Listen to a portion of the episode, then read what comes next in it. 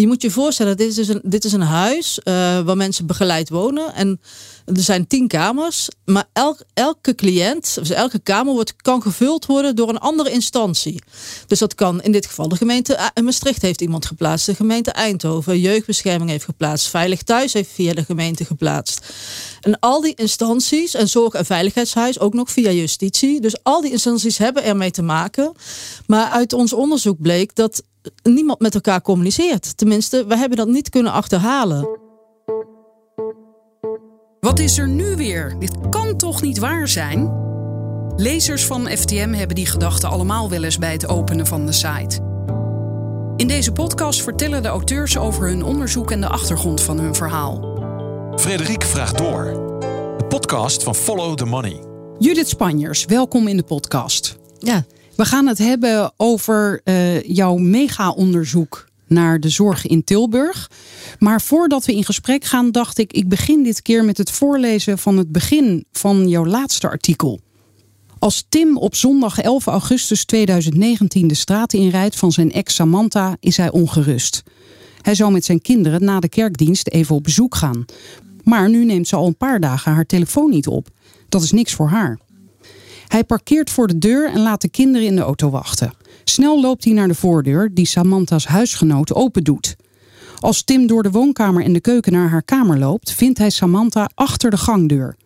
Het lijkt alsof ze slaapt, maar als Tim haar omdraait, voelt ze koud en is haar huid zwart. Ze moet er al een paar dagen liggen. De volgende dag belt de 24-jarige Kiki aan bij hetzelfde huis. Ze is naar dit Tilburgse moeder-kindhuis van acuut zorggroep doorverwezen door de gemeente Maastricht en de William Schrikker Jeugdbescherming. Kiki vluchtte vanwege haar agressieve ex Limburg uit met haar twee kinderen van 6 en 8. In het Tilburgse huis kan ze tot rust komen. De begeleider van Acuut doet de deur open en neemt Kiki en haar kinderen mee naar de woonkamer. Bij de keukendeur ziet ze rood-wit lint hangen. Verboden toegang, heeft iemand op een briefje erbij geschreven. Kiki heeft geen idee van het drama dat zich hier heeft afgespeeld. Tot twee medebewoners haar een paar uur later vertellen dat een andere vrouw nog geen dag geleden doodgevonden is. Waar ben ik beland? denkt Kiki. Wat is dit, Judith? Ja, dit, is, uh, dit gaat over een huis uh, voor begeleid beschermd wonen. Uh, het gaat om cliënten, kwetsbare cliënten met soms complexe problematiek. En die zijn door allerlei instanties bij elkaar in één huis neergezet. Met als gevolg dat ja, die complexe problematiek totaal niet met elkaar matchte. Um, waar het dan meteen misging is dat uh, Kiki en Samantha allebei door William Schrikker Jeugdbescherming daar zijn geplaatst. Onder het mom van een moeder-kindhuis. Maar uiteindelijk, uh, Samantha was een van de eerste bewoners. En uh, zij wordt al heel snel geconfronteerd met een gedetineerde man. Die ook in het huis woont. En zij moet de badkamer met hem delen nou ja, dit is niet wat, zij, uh, wat haar was beloofd. En uh, wat, ze, uh, ja, wat, wat haar wens is. Zij, zij wilde dat helemaal niet. Eh, maar ze kon geen kant op en ze moest ermee dealen. En uh, het schrijnende van dit verhaal is dat Samantha uh, vanuit een uh, verslavingskliniek kwam. Dus zij was helemaal gemotiveerd om gewoon echt van de drugs af te blijven. Tuurlijk is dat lastig. En, en, en daarom wilde ze ook heel graag begeleiding hebben. Om, ja, om te zorgen dat ze nu echt die stap kon gaan maken. En dat ze wilde therapie volgen. En, uh, dus ze was erop gebrand dat het goed zou gaan. Want ze had een eenjarige dochtertje woonde bij haar in het huis. En ja, ze gingen voor. En ja, het begon al dat, het, dat er een leeg huis was. Dus er was nog helemaal niks ingericht eigenlijk. Er was bijna niemand. De begeleiding was nog helemaal niet op orde. Ja, dus ze is de eerste week ook maar weer bij haar moeder gaan wonen. Omdat er niemand was. Uh, dat heeft ja, weken, maanden geduurd uiteindelijk ja, heeft het uitgemond in uh, ja, dat ze toch heel ergens uh, een neerwaartse spiraal terecht is gekomen. Waardoor ze uiteindelijk toch door alle omstandigheden toch weer naar de drugs is gaan grijpen. En uh, ja, uiteindelijk is overleden. En dit is één schrijnend voorbeeld van dat voortkomt uit jouw onderzoek, dat veel meer behelst. Ik heb je daar natuurlijk al eerder over gesproken. dit begon niet eens in Tilburg, maar het begon ooit in Arnhem. Hè? Ja, ik heb dit onderzoeksidee uh, had ik al een paar jaar geleden. En uh, ik heb eerder een soortgelijk onderzoek gedaan in Arnhem. Omdat ik daar ook geluiden hoorde over onveilige zorg. Uh, cliënten die mij belden dat ze met messen achterna werden gezeten uh, door andere bewoners. Toen ben ik dat daar gaan onderzoeken. Het was ook een, een fix onderzoek. veel kamervragen over gesteld. Maar minister Sander Dekker destijds zei van nou ja, incident. Is niet fijn dat het gebeurt. Maar we hoeven geen onderzoek te doen verder. En dat heeft mij zo getriggerd dat ik dacht van joh, maar gaan we hiermee akkoord? Vinden wij dit goed dat dit gebeurt? Wat als mijn kind in zo'n instelling zit? Ik ben voor mezelf begonnen als uh, onderzoeksjournalist. En het eerste idee wat ik had was om daar verder onderzoek naar te doen. En ik wilde dus eigenlijk in, in één gemeente nu een keer helemaal terugkijken naar 2015, de start van, van de overgang van de WMO aan jeugdzorg. Ja, want dat betekende dat uh, niet langer de overheid de centrale leiding had, maar dat de gemeente het zelf moesten gaan regelen. Hè? Ja, dus het, een groot deel ging van het Rijk naar, naar de gemeentes toe. En uh, een belangrijk deel is WMO en jeugdzorg. Dat is alle zorg voor uh, volwassenen, vooral de ondersteuning is dat zeg maar. Uh, dus het is geen medische zorg, maar het is echt meer ondersteunend. Dus deze bedrijven bieden begeleiding, maar geen behandeling. Dus het is hele lichte zorg eigenlijk. En nou ja, dus ik, ik wilde gewoon meer weten hoe dat kwam. En ik wilde weten uh, hoe is dat in één gemeente nou de afgelopen zeven jaar gegaan? Wat is er gebeurd? Wat hebben ze gedaan? Wat is er uitgekomen? Hoe zijn die zorgbedrijven dan aangepakt? Um, nou, en... aangepakt. eerst, hoe bedoel je aangepakt? Toen er misstanden waren? Of daarvoor was er natuurlijk de vraag, hoe, hoe is dit georganiseerd? Uh, ja, maar ik wist ook wel dat er misstanden waren. En ik wist ook in de regio Tilburg dat er wel wat een en ander aan de hand uh, zou kunnen zijn. Nou ja, Tilburg is toevallig ook een van de voorlopers van het uh, toezicht. Dus gemeentes moeten aan basale regels doen om toezicht te houden. Dat stelt echt niks voor. Uh, dus het is aan elke gemeente zelf hoe ver ze dat in willen richten. En hoeveel FTE of ja, hoeveel mensen daar, ze daarop willen zetten. Maar je zegt Tilburg is een voorloper. Dat klinkt als iets goeds dus. Ja, dat, ja, dus ja, ik had ook zoiets van, nou ja, daar moet wel wat uit gaan komen. Dus zij hebben in ieder geval onderzoek gedaan. En daar moeten rapporten zijn. En wat is daar dan uitgekomen? Maar eerst ben je begonnen juist met uh, de fraude binnen de zorg. Want daar sprak ik je anderhalf jaar geleden over. Ja, Klopt, ja. Ik, ik, in eerste instantie was het plan om de kwaliteit meteen te gaan doen. Maar door de actualiteiten en, en inhoudelijke redenen, zeg maar, uh, ben ik toen op een gegeven moment omgeswitcht naar de eerste financiën. Want dat speelde toen ook heel erg. Doordat een klein jeugdzorgbedrijf uh, een miljoenenvilla ging kopen. En dat iedereen dacht, wat gebeurt hier? Uh, we hebben toch tekorten in de jeugdzorg. En hoe kan een klein bedrijf dan ineens een, een voor een villa kopen? Um, nou, dat was eigenlijk de aanleiding om inhoudelijk ook toch eerst die financiën te gaan doen. En um, ondertussen um, dacht ik verder over het volgende onderzoek. En zijn we uiteindelijk, uh, nadat het financiële deel, heb ik, ik heb alle zorgaanbieders van Tilburg onderzocht. Dus financieel. Echt allemaal? Allemaal, van onderst tot boven omgekeerd. Hoe, hoeveel zijn dat er? 228 ongeveer, plus nog wat PGB-aanbieders. En ik, uiteindelijk kon ik van 121 bedrijven en stichtingen jaarrekeningen vinden. En die heb ik dus ook allemaal gezien en, en uitgezocht. En nou ja, alle achtergronden van de, van de ondernemers ondernemers. En ik heb alles omgekeerd. Nou, dus ik wist al heel veel. En nou ja, uiteindelijk, uh, die financiële rapportages zeggen niets over de kwaliteit. Dus ik wilde dat toch echt nog gaan doen.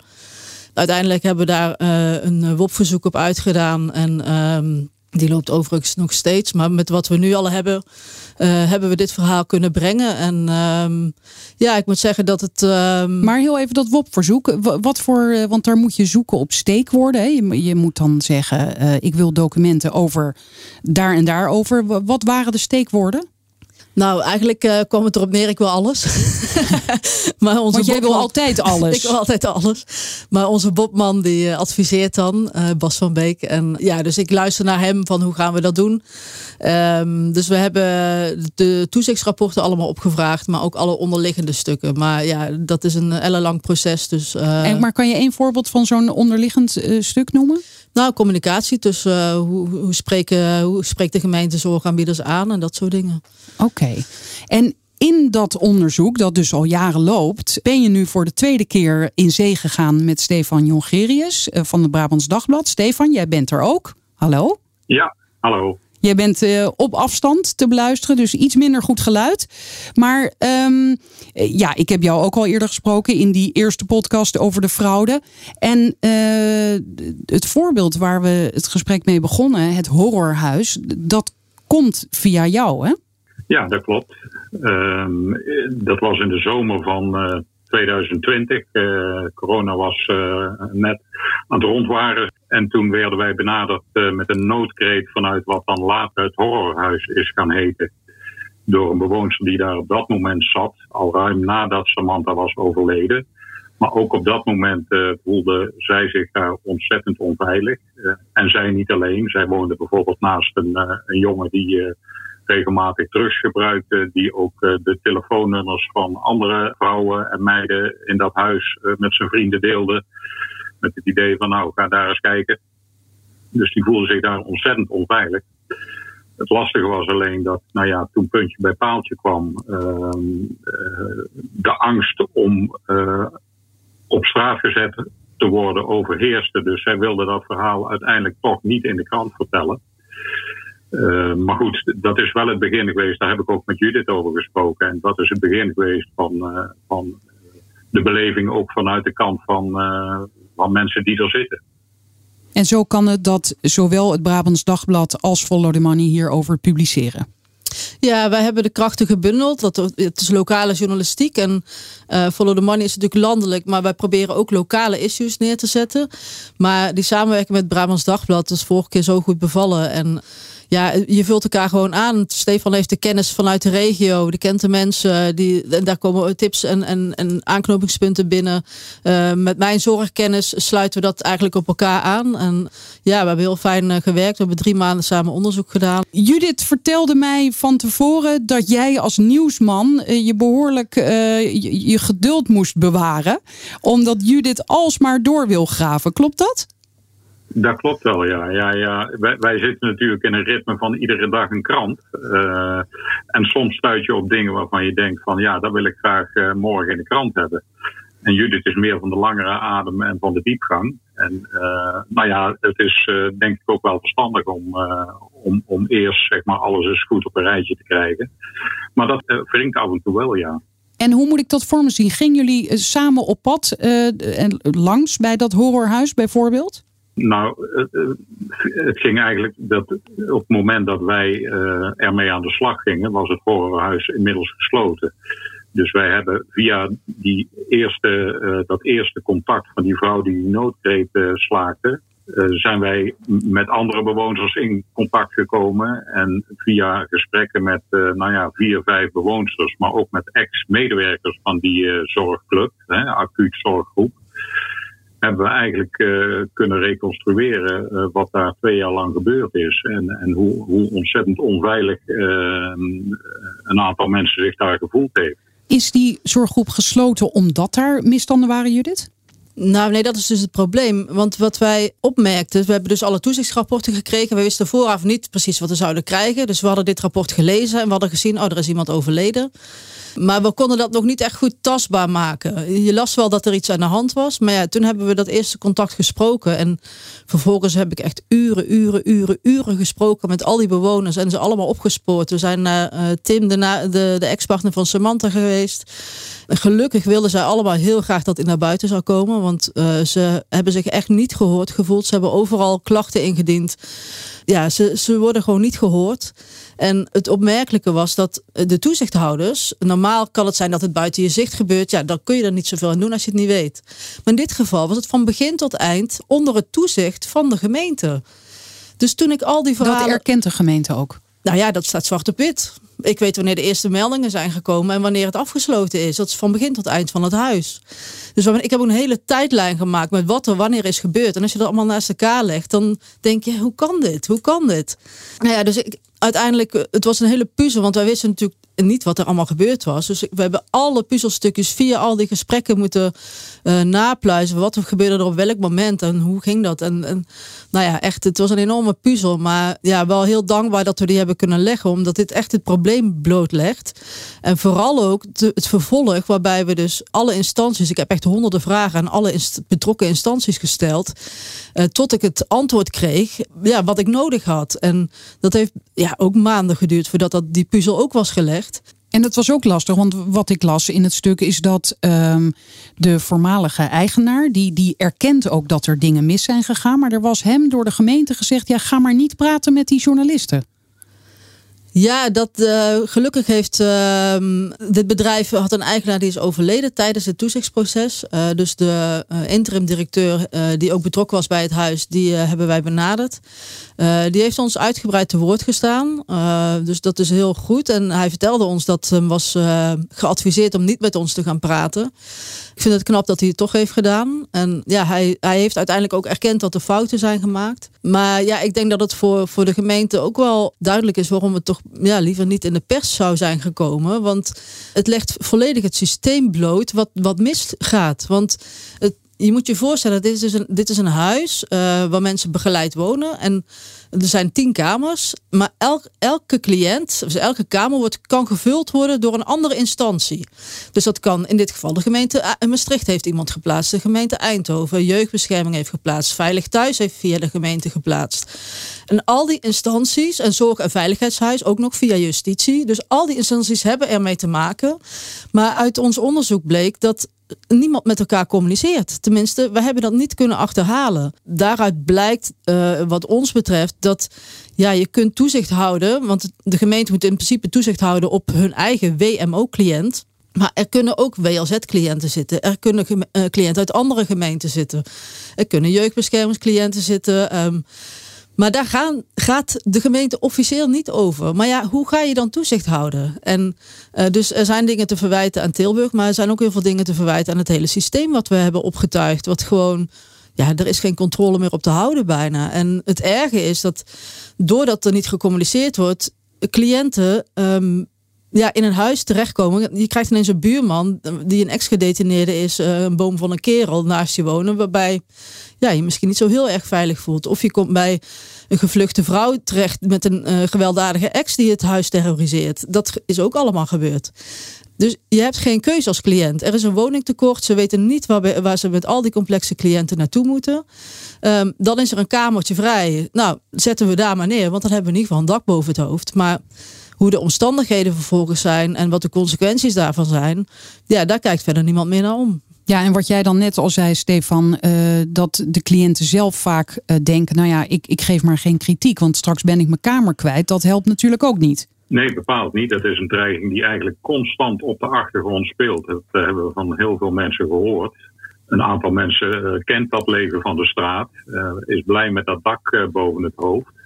Maar dat dak is altijd gekoppeld aan, aan begeleiding die mensen krijgen, begeleiding en bescherming. En ja, ga je moeilijk doen, dan, dan loop je het risico uh, dat je op straat terechtkomt. Daar ja. zijn mensen natuurlijk doodknauwd voor. Ja, en nou is het kennelijk zo dat Tilburg uh, voorloopt op het gebied van toezicht. Ja, dat is bijna uh, ironisch dan. Staat dit, uh, dus in andere gemeentes gaat het nog slechter? Ja, daar, daar, daar zijn gemeenten die gewoon helemaal niets doen. Die hebben een punt waar ze officieel een, uh, meldingen terecht kunnen. Maar of er dan iets mee gebeurt, ja, dat is de vraag. En, en we hebben dit onderzoek, uh, we hebben de rapporten zeg maar allemaal geanalyseerd. En, uh, in een Excel-sheet allemaal ja, uitge, uitgewikt en gewogen van wat is er waar geconstateerd. We hebben die, die, analyse aan zes deskundigen voorgelegd. En ja, die waren eigenlijk wel heel duidelijk van ja, het, het gemeentelijk toezicht is gewoon mislukt. Dit kan gewoon niet. Um, en nou ja, dus dat is ook wat nu. Um, ja, ja, dus wat destijds minister Dekker zei: het is een incident. Dat, dat, dat bleek niet waar. Nee, de deskundigen zijn er duidelijk over. Het is gewoon een systeemprobleem. Ja, als er geen. Het belangrijkste is dat, dat er toezicht is dat je weet. Als, als jouw kind bijvoorbeeld in, in een instelling terechtkomt. of een nou, instelling bij een zorgbedrijf. of op een kamertje ergens drie oog achter.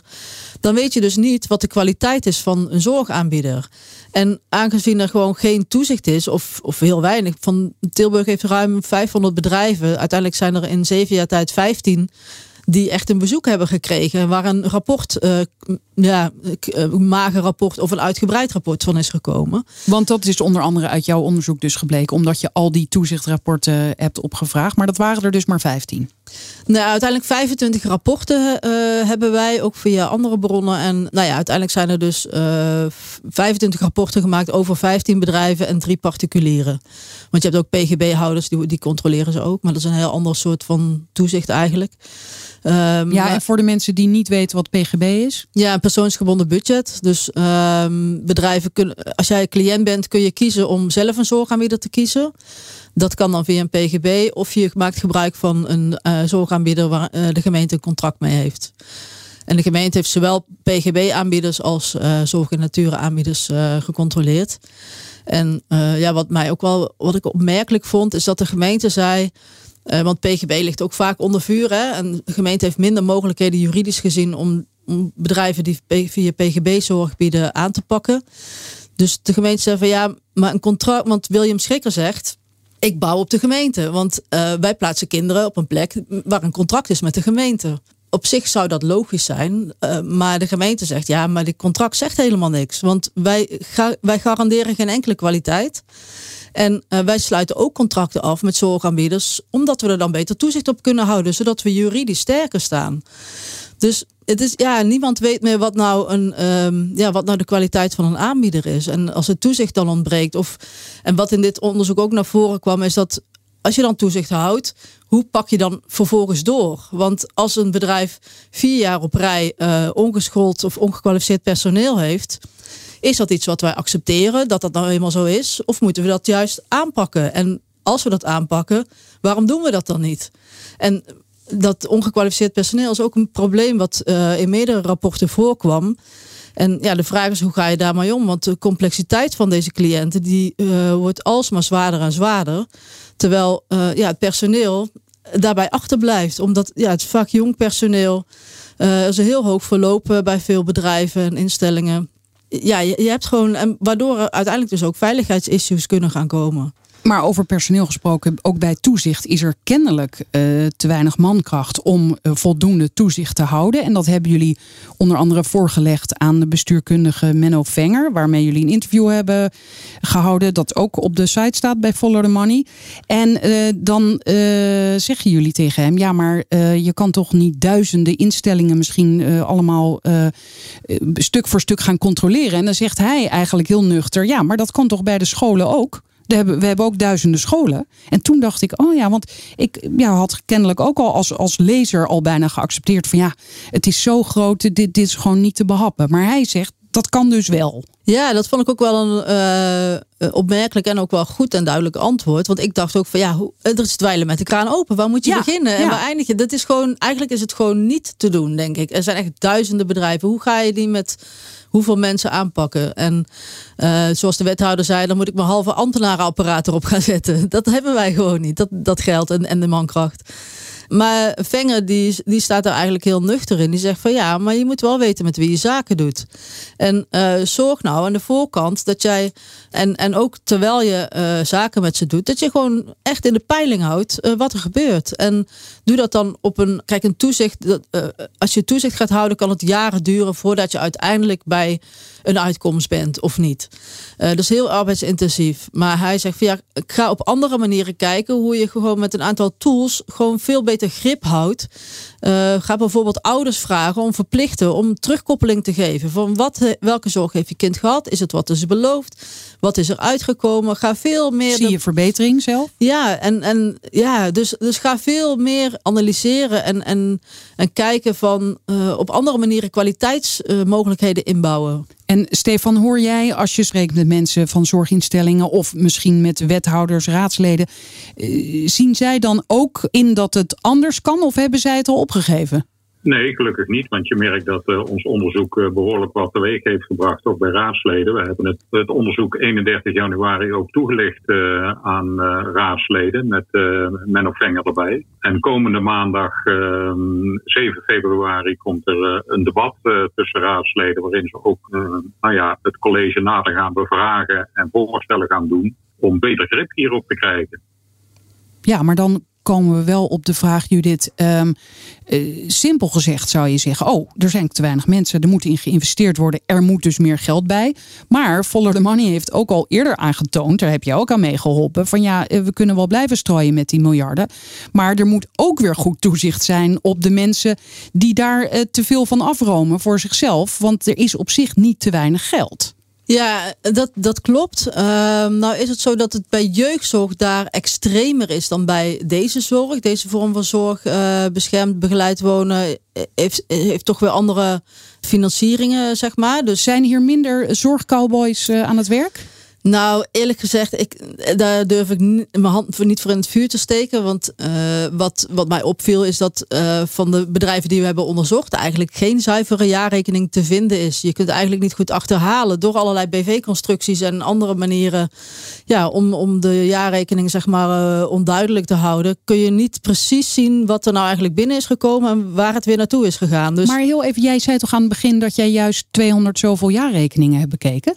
Uh, ja, klopt. Maar die jaarrekeningen van deze bedrijven heb ik dus niet mee kunnen nemen eigenlijk. En deze jaarrekeningen van een aantal van deze bedrijven, die uh, zijn gewoon niet openbaar. En, en als ze openbaar zijn, is er een, ja, bijvoorbeeld is er, is een stichting en er is dan een VOF uh, van hetzelfde bedrijf, van dezelfde eigenaar. Dus de omzet zit in de stichting, maar alle kosten zitten in de VOF. En die VOF hoeft zich niet openbaar te verantwoorden.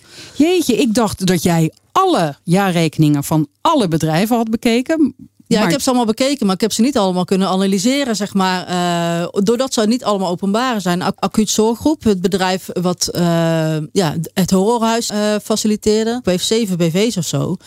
Ja, um, geen idee. Want er is er eentje openbaar, de rest niet. Ik heb geen idee waar het geld heen is gegaan.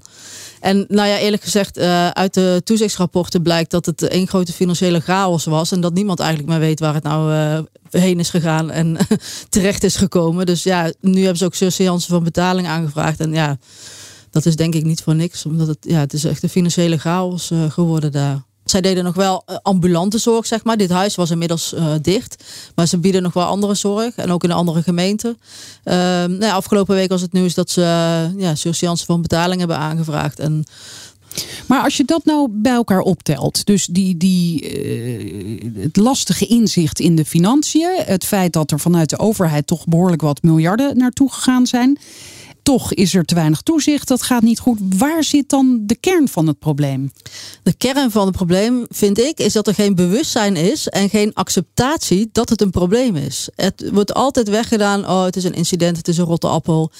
Er is een systeemprobleem, zowel uh, qua financiën van zorgaanbieders als kwaliteit van zorgaanbieders en het toezicht daarop. Dat het geen incident is, dat bleek ook uh, haarfijn uit de reacties die onze artikelen hebben opgeroepen. Uh, want het artikel van het horrorhuis stond in de krant en we werden uh, een dag daarna gebeld door een uh, vrouw die bij een andere zorgaanbieder in Tilburg heeft gewoond. Daar zes jaar op vijf verschillende locaties heeft gewoond. En daar ook de meest vreselijke dingen heeft meegemaakt en gezien.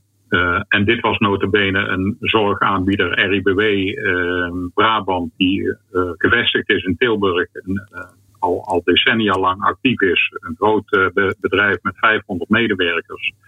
Waar de gemeente en, en de inspectie al onderzoek naar gedaan hadden. Daar kwam een, eh, een eh, behoorlijk positief rapport uit. Maar het feit bijvoorbeeld dat daar iemand overleden is uh, op een van die locaties en twee weken lang daar dood heeft gelegen zonder dat ze het in de gaten hadden, dat is in dat rapport niet eens genoemd. Hè? Dus ja, dus dit laat wel zien uh, nou ja, dat er nog van alles uh, aan de hand is. ja, wat gewoon niet boven water komt. Nee, ja, dat, dat is echt opmerkelijk. Want dit, was uh, de Inspectie Gezondheidszorg en Jeugd had een onderzoek gedaan naar beschermd wooninstellingen. In dit geval hadden ze RIBW Brabant onderzo onderzocht samen met de toezichthouders van de gemeente Tilburg. En ja, als je dat rapport leest, um, dat is niet zoals het er werkelijk aan toe gaat. Het is een beetje een opgepoetst rapport. Want hoe kan het dat, dat bijvoorbeeld uh, een overlijden, iemand die twee weken daar dood heeft gewoond, hoe kan het dat dat geen issue is? Dood heeft gewoond. Ja, sorry. Die daar uh, twee weken lang uh, dood heeft gelegen in zijn zorgwoning. Waarom staat dat niet in het rapport? er wordt zoveel verzwegen um, en zoveel mooier gemaakt dan dat het is. Terwijl ik denk, vertel nou gewoon wat er echt aan de hand is. Maar daar blijkt misschien ook wel de, de wanhoop uit. Ja, ik denk dat heel veel instanties wanhopig zijn en terecht. En, en dat, dat is niet altijd te verwijten. Uh, want ja, er zijn nou, nou ja, er is, het is een heel complex aan factoren. Bijvoorbeeld, uh, de GGZ-bedden zijn allemaal afgebouwd. Maar ja, die mensen die normaal een GGZ-bed hadden, die moeten wel onderdak hebben. En die hebben nog steeds psychoses, die zijn nog steeds verslaafd, die hebben nog steeds hun problemen. Maar ja, dan komen ze dus in een lichtere woonvorm terecht. Beschermd wonen klinkt beschermd, maar het is echt heel licht. Ze hebben alle vrijheid. En het is alleen begeleiding bij de dagelijkse dingen.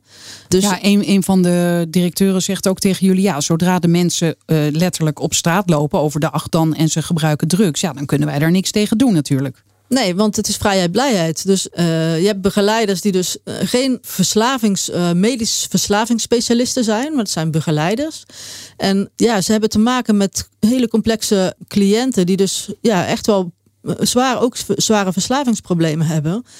Ja, en bij begeleid wonen en beschermd wonen, je mag gewoon voor de deur mag je gebruiken, binnen het huis niet. Maar ja, wat is het verschil, denk je dan? En is men in Den Haag ook al doordrongen van het feit dat hier sprake is van een systeemfout? En uh, oftewel komen, komen er geluiden op die zeggen: we moeten erkennen dat dit zeven jaar geleden een hele verkeerde beslissing was en er moet iets nieuws gebeuren? Uh, je ziet wel wat rapporten waar wel uh, wat signalen instaan, zeg maar. Maar dat wordt dan ook niet allemaal zo heel hard en, en werkelijk genoemd. Maar Rapporten van wie? Van de inspectie gezondheidszorg. Dus je, je, leest wel dat ze een probleem zien.